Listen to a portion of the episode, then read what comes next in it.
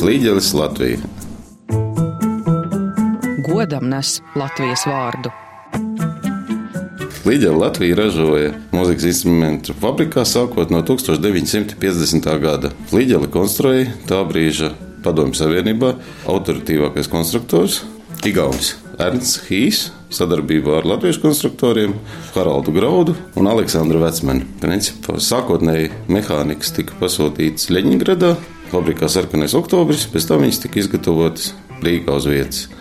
Instrumenti principā bija reti, viņus saražoja ļoti maz. Tajā laikā skaitījās liels prestižs, ja saražoja vienkārši dažus instrumentus gadā. Un tas bija sava laika Baltijas celmlauzis, jo vēlāk visa šī ražotne, flīģeļa ražošanas daļa pārcēlās uz Igauniju, kur tika izveidota fabrika Estonija.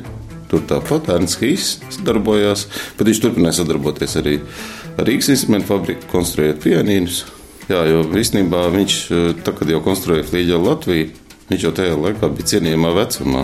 Viņš nāca no klavieru meistara dzimtes un savu pirmo uzņēmumu Igaunijā viņš bija dibinājis 1893. gadā. Tas bija liels gods ražot teiksim, pienīnu, veselu flīģeli. Jo flīģeļi tika saražoti tiešām gadā, ja saražoja 5, 6. Un pēc tā vien var spriest. Un plus vēl, teiksim, tajā laikā padomu savienībā nebija jau daudz to ražotāju. Faktiski bija Leņņģerads fabrika, Rīgas mūzikas instrumentu fabrika, un uz to brīdi vēl nebija Maskavas kaut kāds tur numurs, kaut kāds tur mebeļu kombinācija pārveidots par mūzikas instrumentu fabriku, kas pēc tam nāca kā trešais, kas ražoja flīģeļus. Tā kā faktiski nu, tas ir flagmanis, bet nu, tā vairāk kunga instruments. Jo, teiksim, mūsdienās, protams, viņš atpaliek no mūsdienu analogiem.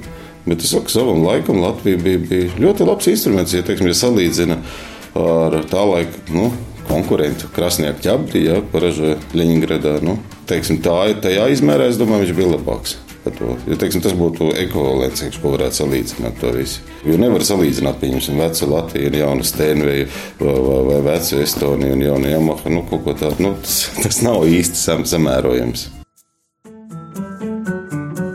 Pianists spēlē, spēlē. Man liekas, negribu samalēties, Emīļa Dārziņa mūzikas vidusskolā bija tāds, Jāzep Mediņa mūzikas vidusskolā tāds bija flīģels. Un nu, mūzikas akadēmijā bija kā pārzina klavieru saimniecība no 1991. gada. Nav tāda šeit. Nu, tas, tas, tas bija Latvijas produkts, neskatoties uz to, ka konstruktors, galvenais konstruktors bija Gaunis. Beidzot, šlepoties. Bija ko lepoties. Es domāju, te nebija tā laika kaut kāda partijas vadības norādījuma. Es domāju, ka vienkārši nu, cilvēki centās. Nu, cilvēki kaut ko darīja, pamatīgi darīja savām rokām. Katru, katru, kociņu, katru pašu vīlēju, slīpēju, izgatavoju. Nu, cilvēki to lepojās.